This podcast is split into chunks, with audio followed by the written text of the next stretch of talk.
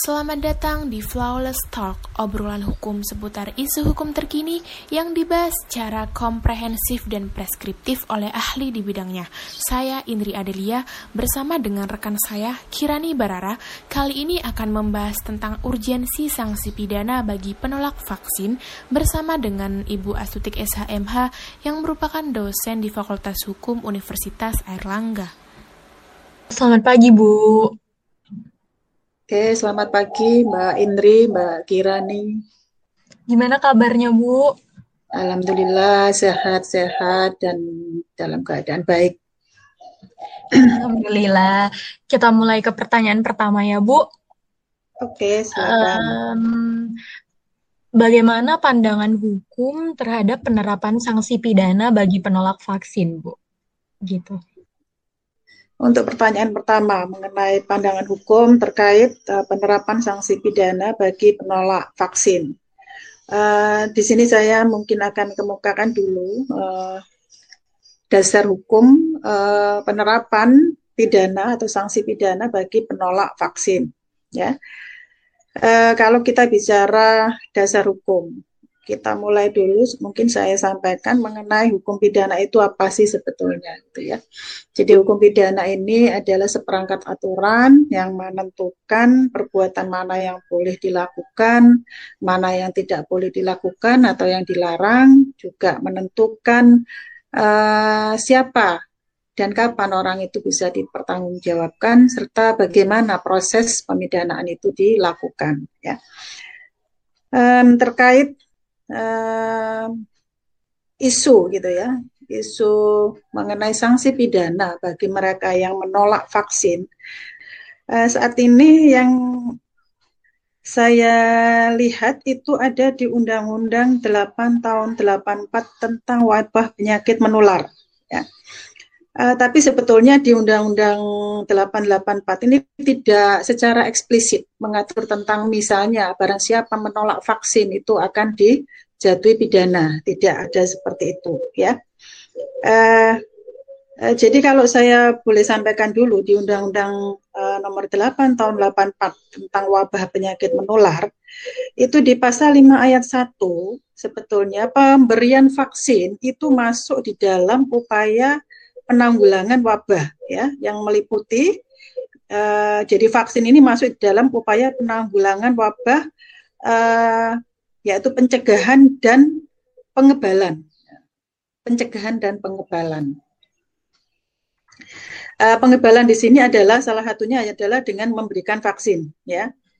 Dan tujuan dari upaya penanggulangan ini sebetulnya adalah yang pertama memperkecil angka kematian dengan cara pengobatan.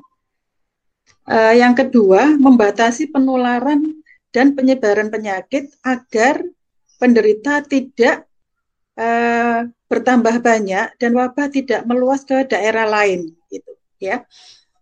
Itu tujuan uh, penanggulangan yang di antaranya penanggulangan itu tadi adalah melakukan pengebalan dengan memberikan vaksin. Ini di Undang-Undang 84.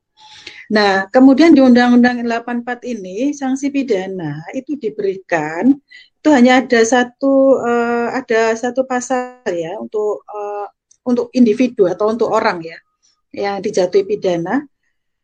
Barang siapa sengaja menghalang-halangi pelaksanaan penanggulangan wabah dipidana dengan pidana penjara satu tahun dan atau denda satu juta rupiah. Ini di pasal 14-nya.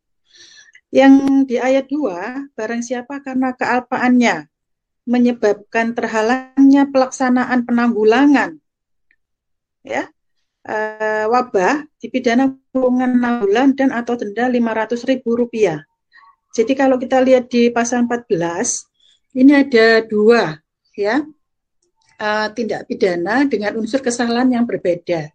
Jadi yang ayat 1 itu kualifikasi tindak pidananya adalah kejahatan karena ancaman pidananya adalah penjara satu tahun dan atau denda satu juta rupiah. Sedangkan yang ayat dua itu kualifikasi tindak pidananya adalah kealpaan dengan pidana kurungan 6 bulan dan atau denda 500 ribu rupiah. Eh, jadi untuk sanksi yang ada di selain di Undang-Undang Wabah Penyakit Menular itu di Peraturan Presiden Nomor 14 Tahun 2021 tentang perubahan Peraturan Presiden Nomor 99 Tahun 2020 tentang pengad, eh, tentang pengadaan vaksin dan pelaksanaan vaksin di pasal 13 ayat 4. Nah, tetapi sanksinya di sini adalah sanksi uh, administratif, ya, yaitu berupa penundaan atau penghentian pemberian jaminan sosial atau bantuan sosial, penundaan atau penghentian layanan administrasi pemerintahan dan pidana denda. Tetapi di pasal 13B ini dirumuskan juga bahwa selain dikenakan uh, sanksi administratif, maka bagi mereka yang uh, tidak melakukan vaksin itu dapat dikenakan sanksi pidana sebagaimana diatur di dalam Undang-Undang Nomor 4 Tahun 84 tentang wabah penyakit menular. Jadi menurut saya uh, tadi pertanyaan pandangan hukum yang um, apa namanya mengatur pelaksanaan penerapan sanksi pidana itu yang saya lihat hanya ada di dua pasal ini ya, yang uh, di undang-undang ini, undang di undang-undang wabah penyakit menular dan di Perpres. Sanksi pidana di Perpres itu memang tidak mengatur sendiri dan memang itu menurut uh, undang-undang 12 2011 memang tidak boleh Perpres itu memuat sanksi pidana. Jadi yang boleh memuat sanksi muatan sanksi atau ancaman pidana itu hanya undang-undang Eh, kemudian peraturan daerah, eh, peraturan daerah atau peraturan gubernur atau peraturan daerah kabupaten atau kota madya. Tuh. Jadi menurut saya ini adalah dasar untuk eh, bisa menerapkan sanksi pidana gitu ya.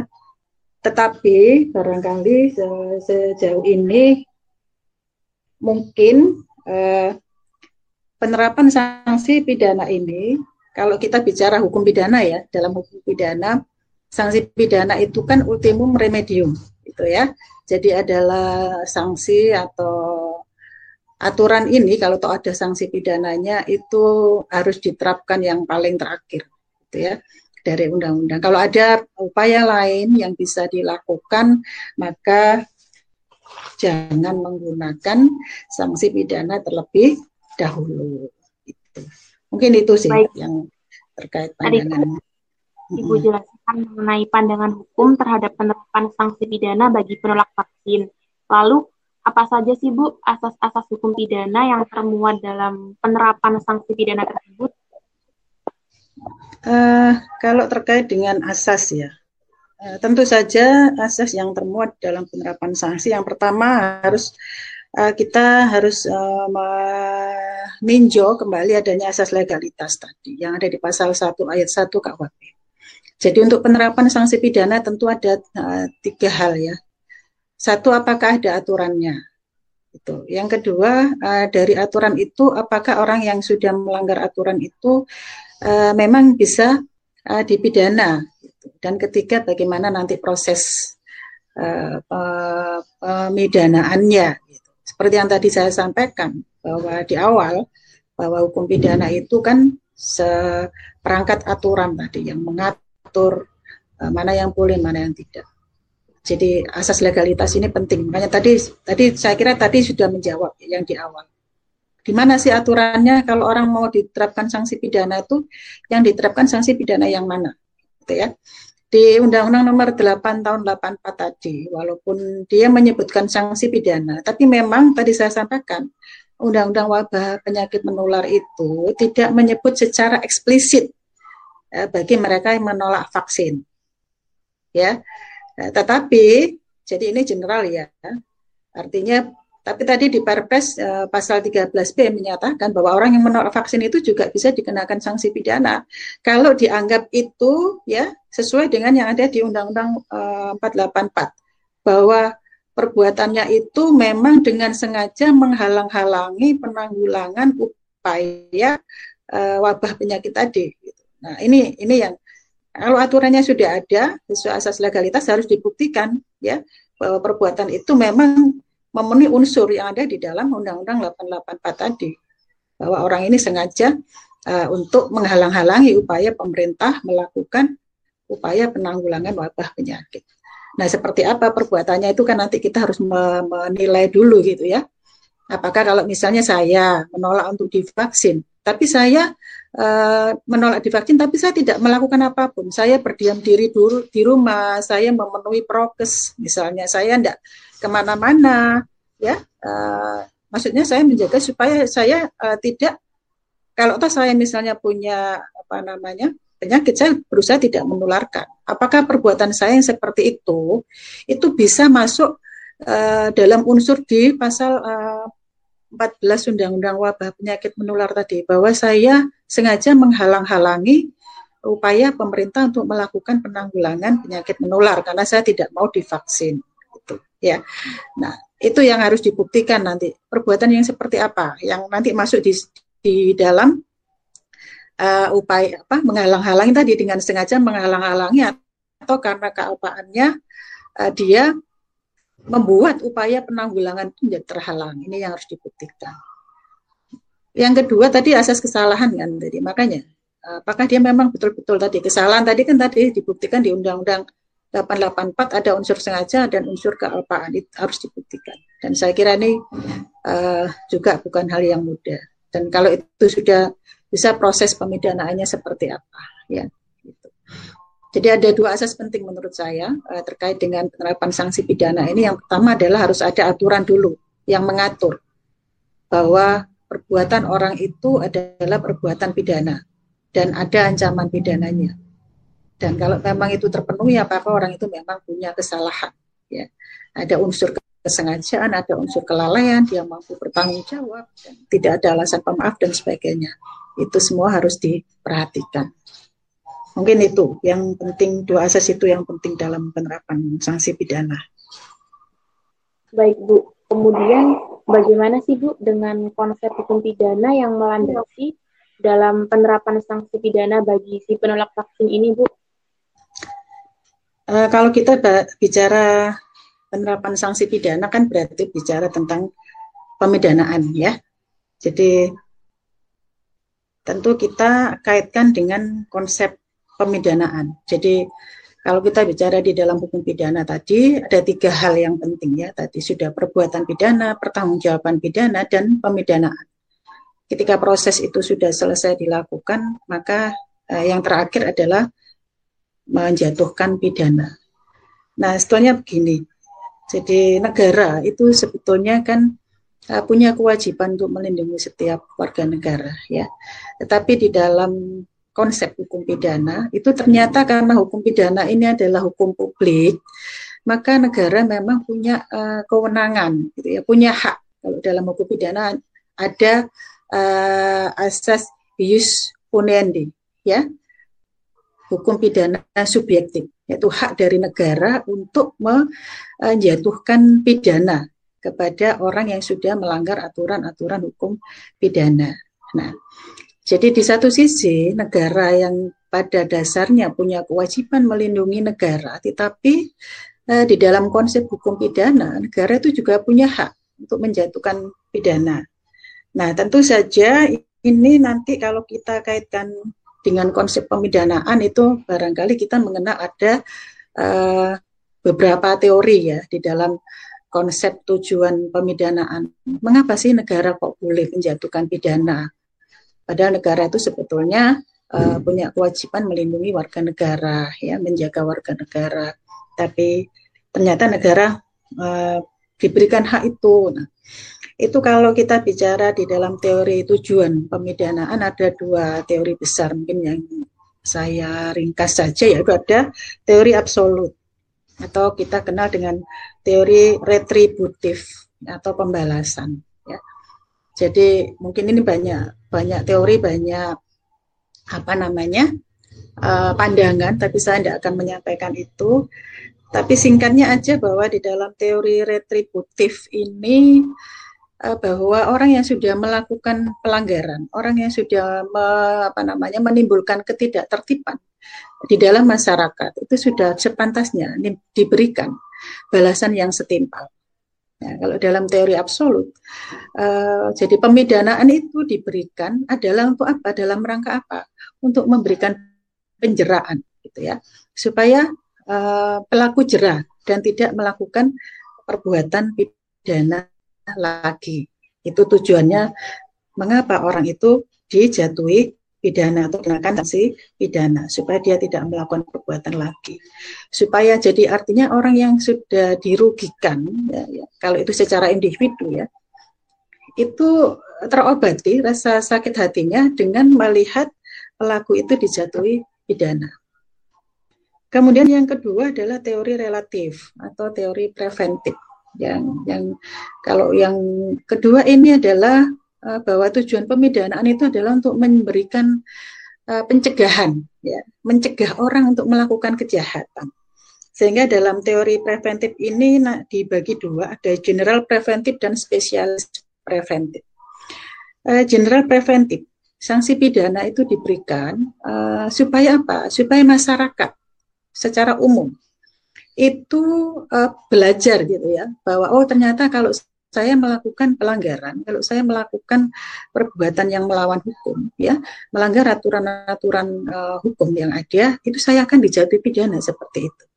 Nah, dengan demikian, maka orang itu lalu berpikir uh, dia, oh saya nggak akan melakukan kejahatan, karena saya kalau melakukan kejahatan, kalau saya mau melakukan pelanggaran, saya akan dikenakan sanksi pidana. Ya. Itu adalah uh, pencegahan secara umum. Jadi ditujukan kepada masyarakat secara umum supaya mereka tidak melakukan tindak pidana. Yang kedua adalah pencegahan secara khusus. Ini ini ditujukan bagi individu orang yang sudah melakukan pelanggaran itu. Ya, jadi artinya bahwa dengan dia melakukan pelanggaran-pelanggaran itu maka dia akan dikenakan pidana, yaitu dengan dia menjalani pidana itu uh, apa namanya? Artinya begini ya. Uh, orang kalau membaca aturan-aturan ya lalu di sana kita baca ada sanksi pidana maka orang itu secara individu dia akan takut untuk melakukan perbuatan pidana. Saya kira ini yang me, apa namanya me, apa, me, mengilhami munculnya asas legalitas itu ya. Bahwa secara psikologis ketika orang membaca aturan dan aturan itu ada sanksi pidananya maka diharapkan orang itu takut. Ya, secara psikis uh, dia lalu berpikir untuk tidak melakukan uh, pelanggaran atau tidak melakukan kejahatan karena dia uh, takut dengan ancaman-ancaman pidana yang ada di dalam undang-undang. Jadi jadi itu yang terpenting uh, terkait uh, penerapan sanksi pidana itu. Jadi sanksi pidana itu sebetulnya diberikan dengan tujuan itu bisa diberikan tujuan jadi uh, supaya orang jerah dan tidak melakukan lagi. Dan bagi mungkin yang belum melakukan ya jadi yang yang sudah melanggar itu dia akan jerah karena dia merasa tidak enak kalau dimasukkan ke menjalani pidana itu kan tidak enak ya. Nggak ada orang uh, di pidana itu bahagia. Karena pidana itu intinya tadi uh, penderitaan nestapa. Sehingga dalam teori absolut orang itu menjadi jerah kalau dia uh, dipidana karena tidak enak ya, menderita. Nah, bagi yang belum melakukan itu, tadi teori preventif ya. Bagi masyarakat maupun bagi individu, kalau dia membaca aturan-aturan yang ada sanksi pidananya, maka diharapkan mereka tidak atau berusaha untuk tidak melanggar aturan-aturan yang ada itu. Mungkin itu ya. Iya Bu, Um, lalu Bu, begini, bagaimana dengan aspek perlindungan HAM dalam hukum pidana jika diterapkan sanksi pidana bagi si penolak vaksin itu, Bu? Oke, um, jadi begini ya, kalau kita melihat uh, konsep hak asasi manusia, kita mungkin melihatnya dari, mungkin saya melihat dari dua dua sisi ya dari sisi pemerintah. Jadi karena ini tadi kan saya sampaikan yang menerapkan yang nanti akan menjatuhkan pidana kalau hukum pidana adalah pem, apa pemerintah karena hukum pidana itu hukum publik atau siapa pun gitu ya yang ditunjuk oleh pemerintah sebagai wakil itu. Kalau di undang-undang misalnya di Perpres ditentukan siapa yang punya kewenangan untuk menjalankan sanksi administratif macam-macam. Kalau dari konteks uh, melihat dari sisi Undang-Undang Dasar 45 misalnya di pasal 4 dan pasal 5, maka uh, Presiden itu sebagai pemegang kekuasaan pemerintah menurut Undang-Undang Dasar itu punya hak untuk mengajukan rancangan undang-undang kepada DPR. Jadi di antaranya kalau sekarang kita lihat banyak sekali undang ada undang-undang eh, kemudian peraturan pemerintah, peraturan presiden yang semuanya terkait dengan masalah COVID itu memang adalah menjadi hak uh, pemerintah. Nah, dari artinya begini, karena ini memang kondisi kondisi darurat ya, kondisi darurat, kondisi bencana, maka pemerintah punya hak untuk itu, untuk membuat aturan-aturan dalam rangka melindungi warga negara dari wabah penyakit menular ini dari sisi pemerintah gitu ya. Juga pemerintah punya kewajiban untuk apa? Untuk uh, memberikan apa? Pelayanan kesehatan untuk menciptakan atau meningkatkan derajat kesehatan yang optimal kepada seluruh uh, masyarakat Indonesia. Itu ya, di satu sisi itu juga menjadi kewajiban pemerintah dan itu adalah hak kita, hak hak kita sebagai warga negara uh, di dalam undang-undang itu juga di uh, Undang-Undang 45 di pasal 28 itu khususnya di 28H misalnya, setiap orang berhak untuk hidup sejahtera, lahir dan batin, bertempat tinggal, dan uh, mendapatkan lingkungan hidup yang baik dan sehat, serta berhak memperoleh pelayanan kesehatan. Jadi saudara, sebetulnya uh, pembentukan undang undang-undang maupun peraturan presiden yang dikeluarkan terkait dengan pengadaan dan pelaksanaan vaksin itu tujuannya adalah untuk memenuhi hak ya uh, setiap masyarakat untuk bisa hidup sejahtera lahir dan batin ya uh, mendapatkan lingkungan hidup yang baik dan sehat serta berhak memperoleh pelayanan kesehatan. Jadi vaksin itu kan tadi saya katakan uh, di dalam undang-undang penanggulangan wabah penyakit sebagai upaya penanggulangan memberikan kekebalan, pengebalan ya jadi sebelum dia sakit. Supaya apa tadi tujuannya? Supaya orang yang sakit itu tidak bertambah banyak gitu ya. Nah itu. Nah, bagaimana kalau misalnya saudara mengatakan, "Loh, tapi kan kalau saya menolak itu hak saya, Bu." Ya. Oke, memang uh, kita sebagai warga negara punya hak ya kalau dalam hukum kesehatan itu ada right to self determination, hak untuk menentukan nasib sendiri. Dan juga tapi juga ada hak atas pelayanan kesehatan.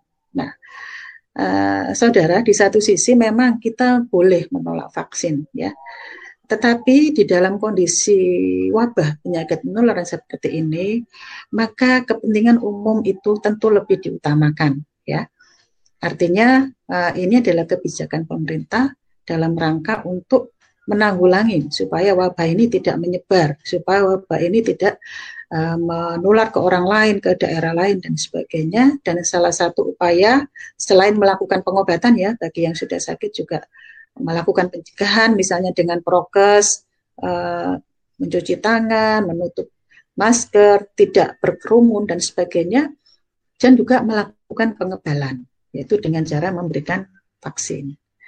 Nah, tentu ini ya kepentingan umum itu uh, jadi kalau ada upaya kesehatan kepentingan umum ini tentu lebih diutamakan daripada hak individu.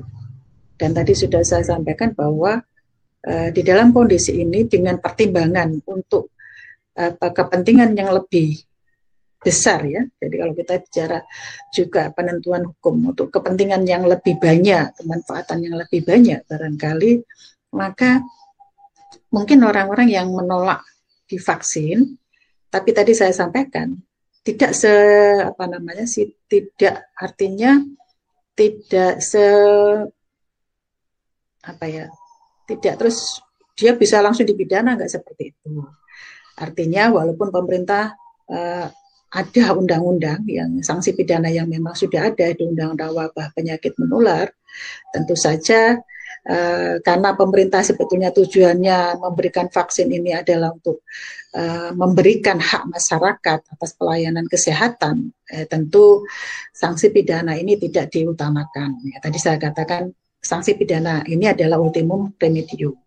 Jadi mungkin yang bisa dilakukan adalah melakukan uh, penyuluhan dulu yang intensif kepada masyarakat gitu ya mengenai vaksin dan itu sudah dilakukan. Kalau itu masih belum berhasil, uh, bisa dilakukan pendekatan yang persuasif kepada masyarakat. Itu mungkin melalui tokoh agama, melalui uh, tokoh masyarakat ya, dan disesuaikan dengan kondisi uh, masyarakat yang ada di sana. Nah, saya kira itu lebih baik gitu ya. Jadi artinya di satu sisi vaksin ini adalah hak yang atau yang diberikan oleh pemerintah kepada masyarakat untuk bisa hidup sehat, tapi memang di sisi lain ini adalah ya, kita punya hak sebagai individu untuk menolak misalnya pelayanan kesehatan itu. Tapi barangkali saudara, eh, saya mungkin kembali kalau kita bicara di dalam pelayanan kesehatan, eh, memang sih kalau kita misalnya ya tindakan pelayanan kesehatan itu harus harus ada persetujuan dari pasien gitu ya tapi kalau kita menengok kembali di Permenkes tentang persetujuan tindakan kedokteran, eh, vaksin atau semacam imunisasi kalau itu diperlukan oh, dalam rangka penanggulangan penyakit, itu sebetulnya memang pemerintah tidak butuh persetujuan, ya. Itu dalam rangka untuk kepentingan masyarakat. Maka persetujuan itu sebetulnya tidak di, di, diperlukan. Kalau uh, seperti vaksin ini karena ini tujuannya untuk membuat imun masyarakat maka sebetulnya persetujuan tidak di, tidak diperlukan ya. Walaupun kita tetap punya hak untuk misalnya sebagai katakanlah sebagai pasien dalam pelayanan kesehatan boleh menolak. Tapi karena ini untuk kepentingan masyarakat banyak dan untuk memberikan apa namanya mencegah suatu penyakit yang nantinya kalau tidak diberikan vaksin akan menular uh, dan akan merugikan masyarakat banyak, maka uh, izin itu tidak diperlukan. Saya kira itu, ya.